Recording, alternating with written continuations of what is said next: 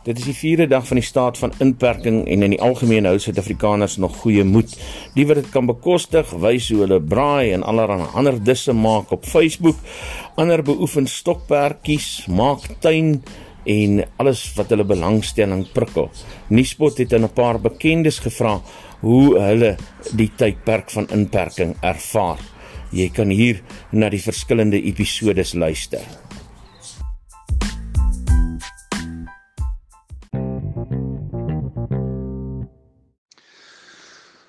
Ouderdom van 57 het ek gedink ek het alles beleef wat daar is om te beleef. Uh, in my tyd het Microsoft en Amazon, die selfoon, die televisie, elektrisiteit binne in die huis, selfone het 'n wêreld gemaak soos Facebook. Uh, die grootste biblioteek in die geskiedenis van die mensdom hou ek elke dag in my hand. Ek het gedog ek het alles gesien. Kunsmatige intelligensie, masjienleer. Alles deel van my lewenstyd en ek het nie voorsien dat dit 'n virus my lewenswêreld so so omdolwe nie. Ek onthou my eksvroue dikwels gepraat van die groot fratse, die swart swane wat die wêreld noodwendig een of ander tyd moet tref in my en haar leeftyd en ek het dit afgemaak as conspiracy theory. Want nou is dit hier nou het haar idee van 'n conspiracy het nou eintlik waar geword ek leef saam met my seun hier ergens in my huis in Melville. Klein huis het twee slaapkamer. Net ek en hy. Ek het altyd gewonder wat dit sou doen aan my. Hoe sou dit wees om in isolasie te leef? Langtermyn isolasie te leef. 3 weke is eintlik al langtermyn en die strate is stil en niemand kom na my huis toe nie. Niemand uh, doen eintlik navraag oor wat ek hier binne doen, ten spyte daarvan dat my liggaam gevange gehou is, maar my kop eintlik buite die huis funksioneer in die wêreld daar buite. Ek lees die nuus, ek gesels met mense op op Twitter. Ek het 'n uh, bepaalde betrokkeheid by sinema radioprogram. So my kop leef buite in my liggaam is hier binne vasgehou. Maar sien net maar net my kop en my liggaam was hier gevangene gehou. Hoe sou dit my beïnvloed het? Hoe sou ek oor die wêreld gedink het? Hoe sou ek oor myself gedink het? Oor my verhouding met ander mense gedink het as my my kop en my liggaam hier binne vasgehou word. Maar ek het 'n ek het 'n is 'n ontsnaproete gevind in sosiale media en in die feit dat ek uh onbeperkte toegang het tot wifi en dat uh, ek 'n batterystelsel het wat beteken selfs beerdkrag doen niks aan my nie. So hier binne in hierdie inkubator leef ek met die gemaksig van van isolasie en ek leef met die nuuskierigheid van 'n wêreld wat met homself worstel daar buite en dit interesseer my interesseer my hoe mense reageer en ek is meer bewus van wat arme mense doen, die have-nots doen, in die townships doen. Hoe reageer hulle die polisie en die weermag wat daar buite rondloop en hulle probeer intimideer in 'n gedragspatroon. Uh waar hulle nie gewoond is nie, waar hulle as dit ware uit nood nie aan kan voldoen nie.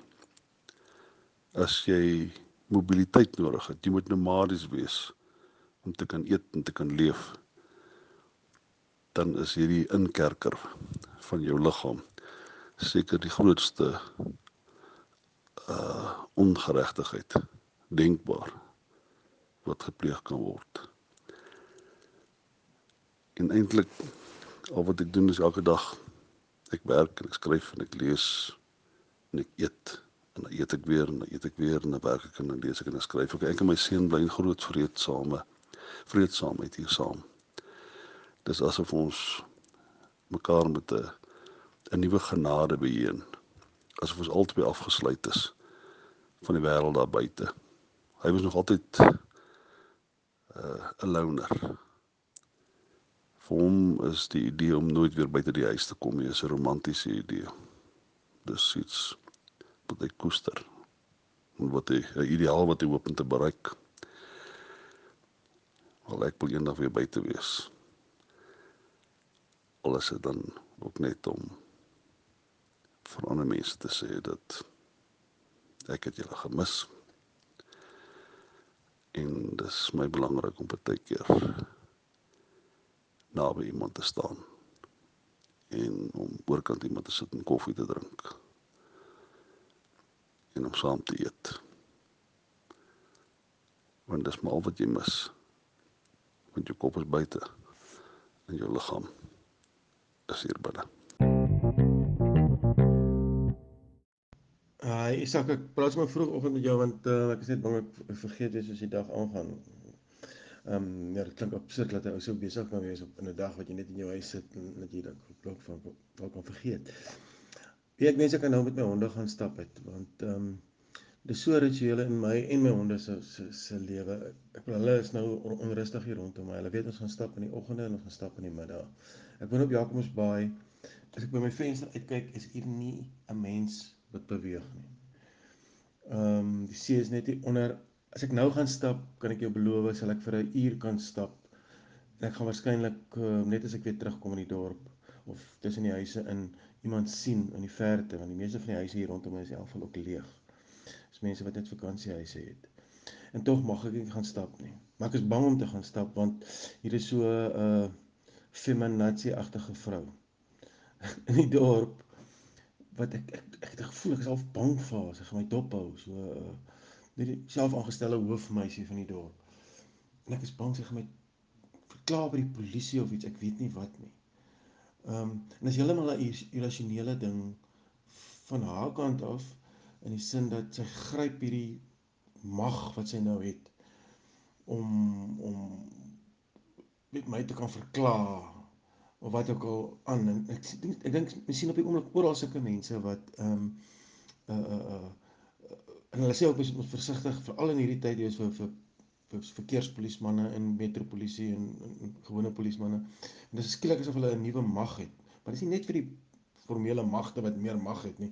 Dit voel vir my asof daar sekere mense tussen ons is wat ook skielik meer mag het en ons wil ronddonder. Maar aan die ander kant sê ek dadelik natuurlik moet daar met uh, hierdie hierdie grendel ehm um, ding is, is is baie nodig. Ons moenie moenie ehm um, uh toegelaat word om weet saam te kook en natuurlik natuurlik natuurlik mag ons nie. Maar die ironie is ek gaan hier so net na 8 gaan ek dorp toe ry, ek gaan op Pick n Pay rondstap, daar gaan ander mense wees. Maar ek kan nie nou hier uitgaan met my met my hond gaan stap nie. My honde gaan stap nie. Dit maak my vies man. Wat ek wel eintlik dink in in in hierdie regulasies of wette wat ek al is wat nou aangestel is ingestel is weet dit om te verhinder dat ons ook dit kan doen die wet kan nie 'n uh, uh, uh, uh, soort van onderskei tussen ehm um, Kraelitsa en Jacobsbaai en die ooste van Pretoria nie, wil sê. Maar ek ek dink net gemeenskappe kan miskien mekaar meer ontmoet in hierdie tyd. Maar ons het ons het nie leierskap eintlik hier by ons nie. Ehm um, beslis as dit in in 'n gemeenskap dalk 'n soort van 'n leierskap kan wees wat sê okay mense, ons gaan nou nie naby mekaar ou wat met sy honde gaan stap of 'n vrou of iemand. Is is is, go, is goeie mense man. Ehm um, so goed soos 'n mens kan wees en ek maar my sondes. Maar die punt is mens as geen manier wat ek iemand wil aansteek of wat ook al nie. Ehm um, ek, ek dit sal vir my mooi wees as jy na 'n week in hierdie in hierdie storie in half my uh, leierskap uit gemeenskappe uitkom. Ek dink nie ons by ons gaan dit kry nie. Ons het hier 'n 'n nasie-agtige vrou. Ehm um, wat wat ons dop hou. Maar laat 'n gemeenskap self sê man, ehm um, ons gaan nou nie naby mekaar kom nie. Gaan draf jy eentjie dan seema of gestap jy met jou honde. Ehm um, ek dink dis nog 'n volwasse gemeenskap met behoort te werk. Ehm um, mens, mens wil nie te veel staatsingryping hê nie en op die oomblik is daar die staatsingryping wat ek kan heeltemal verstaan. Maar ongelukkig gee dit vir die potensiële nasies ons onder ons te veel mag. Ehm um, ja, dis wat ek wou gesê het. Ehm um, lekker, lekker my broer, lekker dag. Ek sal maar hier sit. Ek dink ek oorweeg dit om hier teendag 3 miskien in die nag te begin stap met my honde. Ek is bang vir daai oë. Lekker my broer, lekker. Mooi dag, bly. Hy ta Isak. Dan hy so eintlik net om vir jou te sê, ek het net jou baie mooi storie gelees in 'n rapport. Ja, mens wonder hoe hierdie ehm um, die tyd wat ons nou deur gaan, hoe dit ons gaan verander ons sosiale gedrag, né? Um, ek het ook dadelik gedink weet uh, toe mense nou hoor van hierdie met hierdie hoenderdans, hierdie noem is baie mooi dat jy dit noem die hoenderdans. Ja, hoe gaan dit ons uh, manier van groet verander? Ehm um, dit is amper asof daar 'n teenstelling is op die oomblik. Ehm um, jy mag nie aan iemand raak nie, jy moet 'n sekere afstand van iemand af af bly. Aan die ander kant praat almal of praat baie mense van dis nou die tyd om uh, medemenslikheid te toon. Dis nou die tyd om nader aan mekaar te beweeg mense in die land. Hoe ironies is dit nie, né? Jy mag nie iemand raak nie. Maar ehm um, ons praat en ons het hierdie hierdie ideale prentjie in ons kop van dis nou die tyd wat dit moet gebeur dat mense nader aan mekaar kom. Dit maak nie sin nie, maar dit maak tog sin. Want ek dink miskien gaan dit op die einde oor oor die hart, né? Ehm um, die hart is belangriker as die hand of so iets. Laat mense in hulle harte nader met mekaar kom sonder om noodwendig aan mekaar te raak of so iets. Ehm um, ek hoop dit gaan goed met jou Isak en ehm um, ek wil ander dag eintlik al vir jou boodskap gestuur het. Ek hoop jy's alright en alles. Ehm um, lekker lekker liefde daar en mooi bly. Bye. Hierdie is 'n baie spesiale tyd in die wêreldgeskiedenis. Ons sal dit vir altyd onthou. Daarom moet ons die beste daarvan maak. Ek probeer om so gestruktureerd as moontlik te lewe. Het 'n vaste patroon. Doen pilates oefen oefeninge in die oggend. Probeer uh om gereeld vaste tye te eet en uh, let ook daarop hoe ek uh myself versorg, hoe ek aantrek en hoe ek in die huis beweeg. Verder maak ek gereeld vuur, nie altyd om te braai nie, maar soms net om by die vuur te sit, te ontspan en te gesels. Die Suid-Afrikaanse drukkersbedryf is tans in 'n baie moeilike situasie. Drukkers, boekwinkels, verspreidingskanale is gesluit. Die impak daarvan gaan groot wees. My vierde boek Encountering Apartheid's Ghosts is uh in die voorste linies. Ons probeer, dit wil sê na Lady Uitgewer en met behulp van Gert Klasen om die finale redigering en proeflees in hierdie tyd af te handel sodat die boek as as 'n e-boek so spoedig moontlik kan verskyn. Laastens is dit 'n voorreg uh om met ou vriende kontak te maak wat vir jare lank afgeskeep is en langs daai hierdie uh digitale roetes en platforms met hulle te kan gesels en te kuier. Christo van der Rede AgriSA. Die COVID-19 pandemie het die wêreld sleg getref. Hier in Suid-Afrika beleef ons ook 21 dae van inperking. Die landbousektor het 'n kritiese rol om te vervul omdat ons juis as 'n essensiële produk en as 'n essensiële diens gekategoriseer is. Daar is egter 'n verantwoordelikheid op ons boere en op ons plaaswerkers om ten alle tye na hulself om te sien. Ons moet die nodige voorsorgmaatreëls in plek sit om nie hierdie verspreiding van die virus verder aan te moedig nie, maar om dit tot die uiterste beperk. Terselfdertyd moet ons kos voorsien aan die land.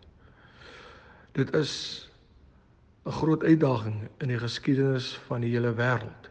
Maar as ons saam staan en ons werk saam en ons van hande ten alle tye en ons tree ten alle tye verantwoordelik verantwoordelik op, dan kan ons hierdie virus te bowe kom. Baie sterkte aan almal daar buite. Dis nou maandag dag 4 van ons inperking. En ek dink 'n mens moet begin eers by die woord inperking. Wat beteken dit en wat beteken dit vir my en my gesin? Die woord inperking beteken daar sekerre goed wat aanvaarbaar is wat jy kan doen, maar jy moet mooi kyk hoe jy daai goeters doen. Ek dink dit was die eerste paar dae se vraag op almal se lippe. Hoe kan ek of mag ek nog of hoe, hoe maak ek as dit gebeur? En hierdie paar dae van my eerste 4 dae van inperking het ek die meeste van my dag spandeer om ander mense te help met vrae van hoe kan ek en wat mag ek en hulle mag dan nie en al daai onsekerhede wat almal gehad het. Ek dink ook dit was 'n tyd wat ons op ons voete moes dink want baie van die reëls het deurgekom, maar dit was nie presies met sekerheid deurgegee nie en daar was ook nie presies duidelike riglyne duidelike riglyne hoe dit toegepas word nie. Soos die tyd aanstap, begin dinge duideliker raak en mense begin rustiger raak. Ons moet vir onsself begin uitwerk praktiese moontlikhede hoe ons sekere dinge moet doen. Ek gebruik ook baie tyd om praktiese voorbeelde en raad vir mense te gee, soos byvoorbeeld mense op plase. Baie vrae het gekom oor mag ek my werkers invat dorp toe om hulle benodighede te gaan koop. My raad aan hulle is moet dit nie so doen nie. Elke gesin, elke familie, elke persoon in 'n huishouding moet werk daarop om eenmal 'n een week een persoon te identifiseer om die hele gesin of die hele plaas se mense se aankope te gaan doen. Maak 'n lysie, daar is in elk geval net basiese goed nodig soos kos en mediese voorraad en ander persoonlike higiëniese goed wat nodig is. Maak 'n lysie, stuur die een persoon in kry wat jy nodig het en kom terug by die huis. Dit is wat inperking beteken. Minder mense, minder benodighede, minder beweging en net as ons dit op hierdie manier doen, gaan ons deur hierdie krisis raak. Ek sê ook raak rustig. Ek het altyd gewonder hoekom ons kinders op skool geleer het wat is die verskil van 'n noodsaaklikheid of 'n luxury of 'n lekker om te hê. En ons het ek kan onthou het ek saam met my kinders gelag oor die feit dat hulle moes leer oor noodsaaklikhede. Die kinders kon nie verstaan nie. Ons kinders het nie groot geword in 'n era van 'n depressie of 'n oorlog nie. Alles was vrylik beskikbaar op winkelrakke. Jy gaan in en jy vat wat jy nodig het of waarvoor jy lus is. Skielik raak die woord noodsaaklikhede 'n werklikheid en kan ons die verskil maak van waarmee kan ons lewe sonder om dit nodig te hê en wat het ons nodig om te lewe. So maak daai lysie van noodsaaklikhede vir jou huishouding en maak seker dat wanneer ons aankoop ons net die noodsaaklikhede soos vir jou gesin vir daai week nodig het. Raak rustig en maak planne. Kyk ook na ons ouer mense. Ek het byvoorbeeld my ma woon in 'n aftreeoord En hulle sit een een in hulle huisies, baie gevalle net alleen. Ek het vir hulle gevra, maak met julle uh, bestuur kontak en hoor of dit aanvaarbaar sal word dat julle eendag 'n een week buite julle huisie staan. Dit is nie uh, binne 'n 'n aftreeoort nie. Elkeen woon in sy eie huisie. Eenmal 'n dag um, op 'n sekere tyd almal by hulle deur of op hulle stoepie staan en net vir mekaar waai en groet en sien almal is nog daar en dit gaan goed met almal. Ehm um, dis vir my veral belangrik dat ons kyk na eensame mense en mense, ouer mense wat baie keer alleen bly deur hierdie tyd. Ons kan ook dieselfde doen met mense wat op plase of ander plekke bly. Ek onthou in die droogte tyd het ons daai ehm um, bel 'n vriend ehm um, gehad om seker te maak hoe gaan dit. Stuur Luister uit van mense wat jy weet is alleen en eensaam, bly op hulle eie, kry 'n maatjie en ehm um, kontak daai persoon dan een keer 'n dag om seker te maak hoe gaan dit met die persoon? Wat doen julle? Hoe help ons mekaar? Dieselfde ook as daai persone dalk siek raak en nie kan ingaan om te gaan uh kos koop of noodsaaklikhede nie want alle siek mense gaan in hulle huise bly of as jy die virus positief toets, gaan jy in jou huis bly in afsondering. Die enigste keer wanneer jy gaan met hospitaal toe gaan vir behandeling is wanneer jy asemhalingsprobleme begin ondervind. So ons gaan met baie mense sit wat siek geraak het en wat positief getoets is en nie uit hulle huise uit mag beweeg nie. Hoe vinniger ons dan 'n netwerk kry van mense wat ons mee met mekaar kontak maak in ons omgewing, hoe makliker gaan ons dit bestuur wanneer ons bewus raak van jou buurvrou of buurman wat positief getoets het vir die virus en dan kan ons almal help. Ons moet ook onthou wanneer iemand in 'n gesin positief getoets het vir daai virus, gaan daai hele gesin in afsondering raak. So ons gaan nie meer daai stelsel kan hê van een persoon uitstuur dorp toe om ons uh, noodsaaklikhede te gaan koop nie. So kom ons begin 'n buddy system, bure met mekaar, mense wat jy weet in omgewings wat alleen en eensaam is en ons spandeer tyd daarop eerder as om allerhande nood allerhande ehm um, boodskappe en video's en stories rond te versprei wat mense paniekerig maak. Kom ons begin help mekaar stelsel en ons kyk hoe ons mekaar die beste kan help. Dis Anet Stein. Ek is die DA se landbouverteenwoordiger op landbou en ehm uh, maak seker dat ons ook stelsels in plek gaan probeer kry om seker te maak dat daar genoeg kos van die winkelrakke of van die boere van die plase af op die winkelrakke en dan weer veral in kleiner gemeenskappe en dorpe versprei kan word. Baie dankie.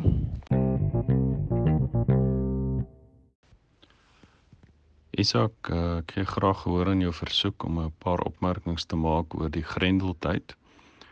Ek sal so 'n paar goed sê oor die openbare kant daarvan en dan ook oor die private kant daarvan. Ek dink in die eerste plek wat die Suid-Afrikaanse politiek betref, is daar twee goed om te sê oor die president en sy regeringstyl. Die eerste ding is dat hy as ware na vore getree het, die sogenaamde ware Cyril aan sy kant gewys en hy het begin om beslissende leiding te gee. Die probleem wat hy egter het is hy gaan nie kan terugdraai hierna nie. So die eintlike vraag gaan wees as hierdie krisis van die virus verby is of dit aan hom die momentum gaan gee om sy styl te handhaaf en te doen wat nodig is vir die land. Dit het baie duidelik geword soos verskeie kommentators al opgemerk het. Jy kan nie te gelykertyd probeer om die ANC bymekaar te hou en Suid-Afrika nie. En die president het duidelik vir die eenheid van Suid-Afrika gekies, ten minste samewerking in Suid-Afrika.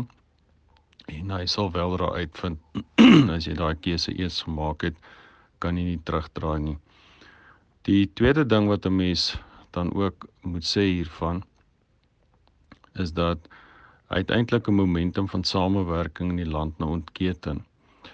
En ironies genoeg as hy nie daardie momentum gaan behou en gaan probeer bly konsensus bou tussen die burgerlike samelewing, die private sektor, verskillende politieke partye en dis meer nie, gaan hy waarskynlik baie gou uitvind dat die land opnuut verdeeld is en dat hy oornag as ware 'n sondebok gemaak gaan word vir ons verdeeldheid en hy sal gouer as nou waarskynlik sy posisie verloor. Ek dink 'n volgende ding om te sê oor Suid-Afrika self is ons samelewing is waarskynlik nog nooit so getoets, verseker nie ten minste sedert 1994 nie. Want die stelsels in die land is onder geweldige druk. Die regering is eintlik ook onder geweldige druk en die skade wat ANC beleide aan die openbare dienste gedoen het, openbare sektor is nou daar vir almal om te sien. En dit sal 'n kombinasie vat van goeie leierskap uit regering en behoorlike samewerking van gewone Suid-Afrikaners met mekaar met die regering om ons hier deur te dra. Mens moet ook sê dit is al dikwels opgemerk byvoorbeeld in 2017 deur Frans Cronje van die Instituut vir Rasseverhoudinge dat die toekomstige scenario wat die waarskynlikste vir Suid-Afrika is is 'n soort staatsverbrokkeling. Ek dink ons is besig om dit te sien. Ek sal miskien eerder wil praat van 'n soort staatsherskikking waar dinge heeltemal anders sal moet lyk as wat dit aangegaan het. Mag in die land kan nie so gesentraliseer wees nie. Minderhede moet erken word en dit is opvallend wat 'n groot bydrae die minderheidsgroepe ook op die oomblik lewer om hierdie krisis te hanteer. Ons almal staan saam om die mees weerlose in die samelewing so goed as moontlik te probeer beskerm. Dan is ek miskien net 'n paar opmerkings oor die privaat kant van die grendeltyd kan maak. Ek dink dat ons leef in 'n tyd in 'n wêreld waarin daar enorm baie afleiding is van wat belangrik is. Mense kan nie leef sonder 'n hoër ideaal nie en hulle kan ook nie leef sonder baie spesifieke praktyke wat hulle strewe na daardie ideaal rig nie. net so goed as wat mense wat wil fiks word moet gaan oefen, net so goed moet mense wat seker ideale nastreef ook praktyke hê, oefeninge om as ware daardie ideaal te verwesenlik. En die feit van die saak is wat die grendeltyd gedoen het is om ons almal stiller te laat word, om ons almal weer na te laat dink oor waarmee ons besig, waarheen ons op pad. Hierdie is geen gewone vakansietyd nie. Vakansie het ook 'n tyd geword van afleiding. Die grendeltyd is 'n opskorting van die normale. Dit is 'n opskorting van werk om onsself weer te laat vra op 'n manier wat nog meeste van ons waarskynlik nooit beleef het nie. Maar waarmee is ons nou eintlik besig? Ek kan miskien opmerk dat vir my as ortodokse priester en Christen dit nie sonder ironie is dat die grendeltyd ingestel is halfpad deur die jaarlikse groot vas in aanloop tot die Paase nie. Dit het vir ons as ortodokse Christene in 'n sekere sin as 'n geweldige slag gekom want ons is nou verhoed om voort te gaan met die gereelde dienste van die groot vastyd, dienste van verootmoediging in keer stil word. Maar terselfdertyd bied dit aan ons die geleentheid om die vas waarmee ons besig is wat ook ondersteun word deur intense stil gebed nog meer toegewy te beoefen. So in 'n sekere sin is ons in 'n verlengde groot vastyd, in 'n verlengde groot stilte tyd waarin ons definitief onsself, dit wat hoor as ons is en die ander om ons op 'n baie dieper vlak kan waardeer.